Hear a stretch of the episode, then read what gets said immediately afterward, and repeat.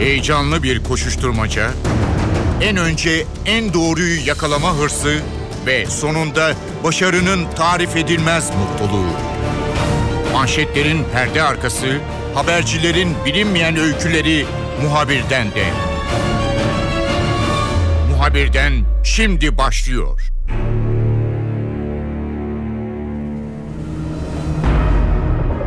Muhabirden de bu hafta Irak'taki gelişmelere yakından bakacağız. İşi tarafından alıkonulan kamyon şoförleri Perşembe akşamı sürpriz bir kararla serbest bırakıldı. Kamyon şoförleri ailelerine kavuştu. Ancak bu gelişme, e, IŞİD'in bu kararı e, hem bölgedeki endişe verici haberlerin dinde anlamına gelmiyor, hem de e, Türkiye'nin gelişmeleri yakından takip etmeyeceği anlamına da gelmiyor.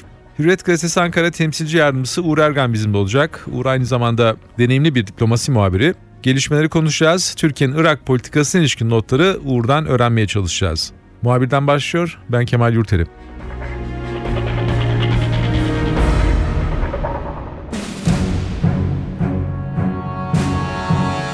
Uğur evet e, Perşembe akşamı iyi bir haber geldi. IŞİD kaçırdığı Türk kamyoncuları serbest bıraktı.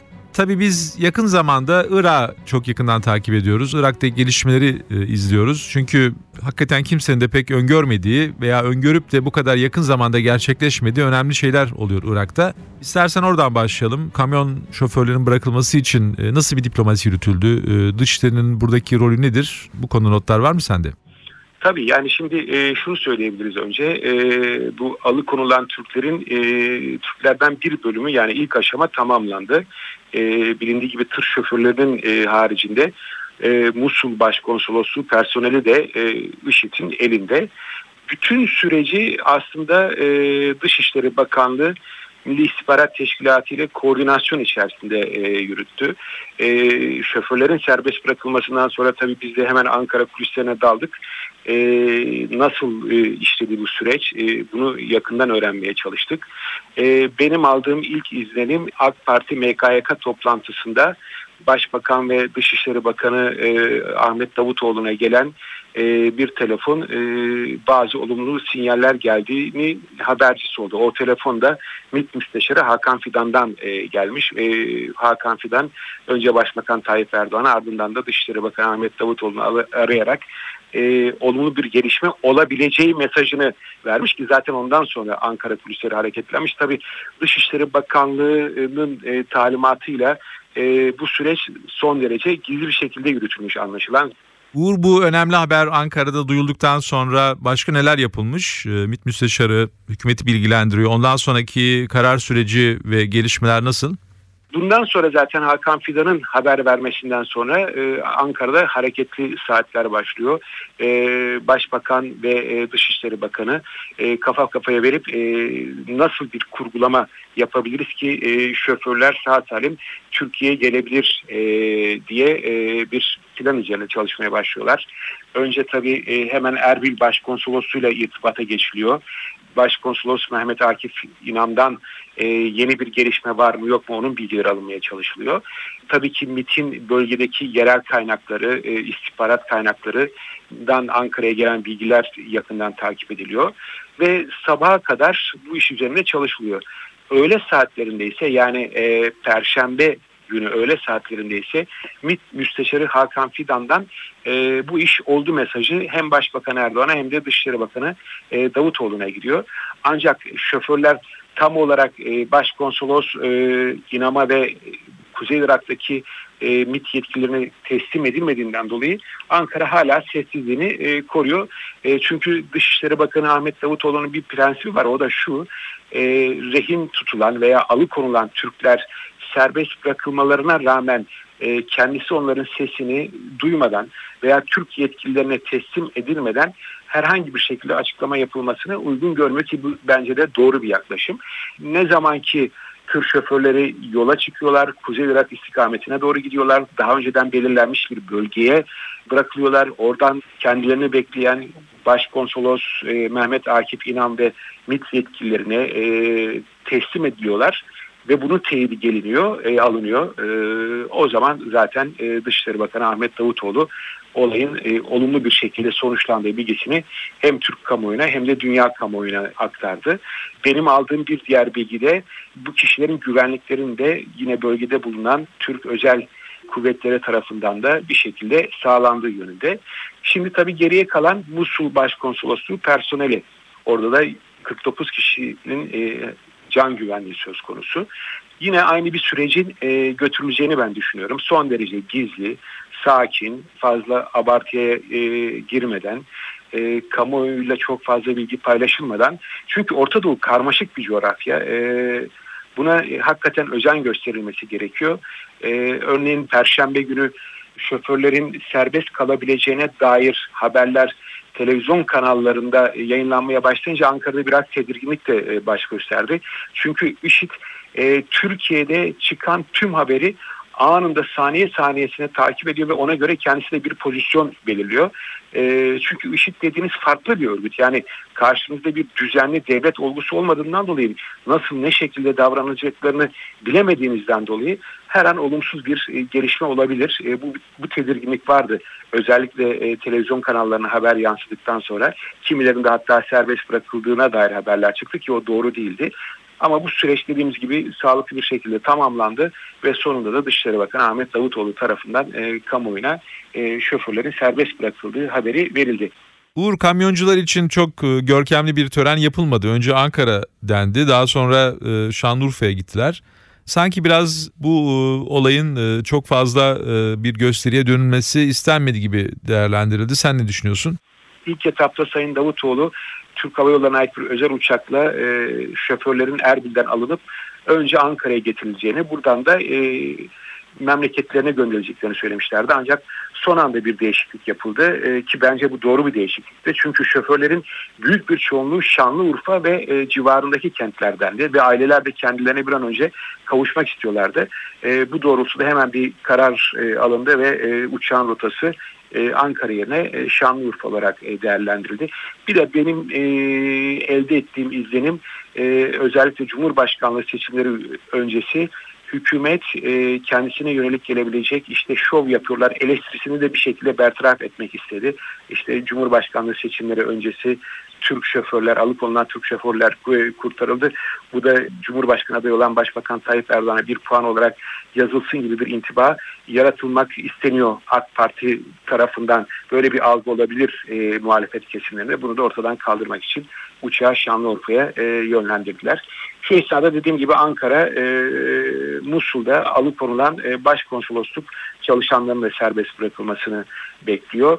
Amerika Birleşik Devletleri'nin Milli Günü resepsiyonu vardı. Orada da e, birçok e, dışişleri yetkilisi vardı. Onlarla da bu konuyu görüştük. Nasıl, ne zaman Musul Başkonsolosluğu yetkililerinden herhangi olumlu bir haber e, gelebilir mi diye. E, doğal olarak onlar da yine e, son derece ketum bir şekilde davranarak evet çalışmalarımız sürüyor. Onlarla da ilgili e, olumlu bir gelişme olduğu zaman e, Türk kamuoyuna duyurulacaktır. Bir tarih verebilir misiniz diye sorduk. E, hayır herhangi bir tarih verilmesi şu an için mümkün değil. Uğur şimdi önemli olan diğer konu sanıyorum İran geleceği. Türkiye Irak'taki gelişmeleri yıllardır, çok uzun yıllardır her zaman takip eder. Birçok kez örneğin terörle mücadele nedeniyle e, hem komşusu olması nedeniyle hem çok önemli bir ticaret yapılan ülke olma nedeniyle Irak bizim için çok e, önemli bir ülke. Son dönemlerde Irak'tan gelen mesajlar e, hiç de iyi değil. Irak'ta Kürtler bir bağımsızlık hazırlığı içerisinde gözüküyor. IŞİD'in başlattığı kimi tarafından da artık böyle bir Sünni isyanı gibi değerlendirilen e, gelişmeler Irak'ta başka bir coğrafyada başka bir yapılanmayı ortaya koymak üzere. Şiiler daha farklı bir bölgede başka bir takım beklenti içerisine girmiş durumdalar. Bunlar Ankara'dan nasıl okunuyor?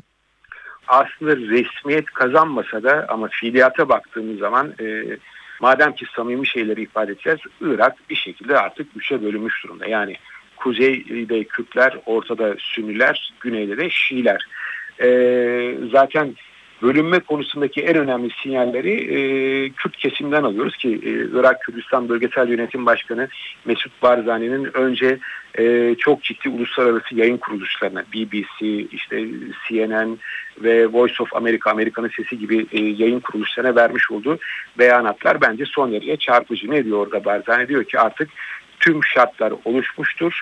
E, bağımsız Kürdistan'ın oluşabilmesi için ama buna ben e, tek başıma karar verecek değilim. E nasıl olacak peki bu iş? E, bunu Kürt parlamentosu üzerinden e, olacaktır. Kürt parlamentosu yani yerel Kürt parlamentosu bir referandum tarihi belirleyecek ki bu da çok uzun bir vadede değil birkaç ay içerisinde diyor. E, bu referandum tarihinde bölgede yaşayan e, Kürt halkına sorulacak. E, evet yani bağımsızlık mı istiyorsunuz yoksa bir şekilde merkezi Bağdat hükümetine bağlı kalarak federatif yapı içerisinde mi yaşamayı devam ettirmek istiyorsunuz diye ama e, bu soru sorulacak da ortada merkezi bir e, Bağdat yönetimi kalmadı bana göre. Dolayısıyla ben böyle bir referandum yapıldığı takdirde e, Kürt e, halkının e, bağımsızlıktan yana karar vereceğini düşünüyorum. Zaten Barzani'de halk da bu yönde bir bir karar verdiği zaman biz bunu hemen hayata geçiririz diyor ki zaten hayata geçmiş durumda. Yani Irak Kürdistan bölgesel yönetiminin hakim olduğu alana yani işte Erbil ve civarına gidildiği zaman hepimiz biliyoruz ki tamamen ayrı bir devlet olgusu var. İşte ayrı bir devlet yapılanması, eyaletin kendi bakanlıkları, işte kendi sınır kapıları, kendi mühürleri, kendi bayrakları hepsi var. Yani sadece iş bir şeye kalmış durumda. Bunun ilanına kalmış durumda. Tabii Türkiye açısından bir diğer önemli nokta da Kerkük ki e, hakikaten son derece kritik bir e, kent. E, Kerkük'e Peşmerge'nin girmesi ve de facto bir durumla Kerkük'ün de ki bölgenin en zengin doğal kaynaklarına sahip yer de artık e, Kürdistan'ın içerisinde e, görülmesi yani Barzani e, bunu net bir şekilde söylüyor ve Kerkük'e işte Irak ordusu çekildi. Oranın da can güvenliğini, e, halkın güvenliğini, e, toprak bütünlüğünü veya Kerkük kentinin o e, mozaik yapısının korumasını peşmerge sağlayacaktır diyor. Dolayısıyla bir şekilde Kerkük artık Irak Kürdistan'a bağlı bir kent haline geldi. Ee, peki artık Kuzey Irak'ta e, yani işte tırnak içerisinde söylüyorum bağımsız Kürdistan olarak, olarak görebileceğimiz o alanındaki doğal kaynaklar e, dünyaya nasıl girecek? E, bu da son derece e, net bir şekilde zaten gözüküyor. Ankara ile Erbil arasında varılan bir anlaşma ki buna zaten Merkezi Bağdat yönetimi e, çok ciddi şekilde karşı çıkıyor. Yani Kürdistan bölgesindeki doğal kaynakların dünyaya taşınmasında e, herhangi bir sorun yok. E, Türkiye üzerinden son derece rahat e, olabilecek bir şey bu ki bunu yaşıyoruz. E, sorun bence zaten Sünnilerin ortada kalan Sünnilerin sahip olduğu doğal kaynakların nasıl ne şekilde e, dünyaya pazarlanacağı işte onlara bir çıkış yolu bulunması gerekiyor. O da e, şu an itibariyle baktığımızda Suriye üzerinden olacak gibi e, ama işte her şeyde kağıt üzerindeki gibi olmuyor. E, yani Suriye'de Esad rejiminin ha bugün ha yarın devrilmesini bekleniyordu ama böyle bir şey olmuyor ki bence Esad rejimi kendisini ciddi bir şekilde orada artık sağlamlaştırmış gibi de gözüküyor. Zaten verilmesi gereken yerleri de biraz da bilinçli olarak gerek Kürtlere gerek e, işte Sünni ağırlıklı IŞİD militanlarına veya IŞİD örgütüne her neyse artık onlara bırakmış gibi. E, güneydeki Şiilerin zaten herhangi bir sorunu yok. Onların dünyaya açılmasında son derece rahat bir şekilde Basra Körfezi'nden doğal kaynaklarını dünyaya pazarlayabilirler. Irak üzerinde yani böyle e, basit şeylerle anlatabileceğimiz böyle bir senaryo var. Üçe bölündü. Bu üç e, bölgenin doğal kaynakları dediğim gibi bir şekilde dünyaya pazarlanacak. E, hani o çok bildiğimiz klişe bir laf vardır Türkiye'de. İyi ki bizim petrolümüz, iyi ki bizim doğal e, gaz kaynaklarımız yok. E, maalesef böyle doğal kaynaklarınız olduğu zaman, zengin doğal kaynaklarınız olduğu zaman dünyadaki başta e, süper güçler işte Amerika olsun, Rusya olsun veya Almanya'nın başını çektiği Avrupa Birliği olsun veya Fransa olsun işte İngiltere olsun hepsinin e, o topraklar üzerinde bir şekilde o doğal kaynaklardan e, sahiplenebilmek için takım planlar oluyor. İşte bu planların da nasıl ne şekilde uygulanacağını önümüzdeki günlerde e, göreceğiz gibi geliyor bana. Uğur çok teşekkürler. Kolay gelsin.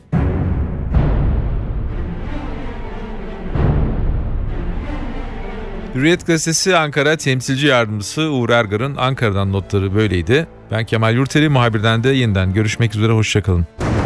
Haber için değil de haberin hikayesi için şimdi onlara kulak verme zamanı. Muhabirden NTV Radyo'da.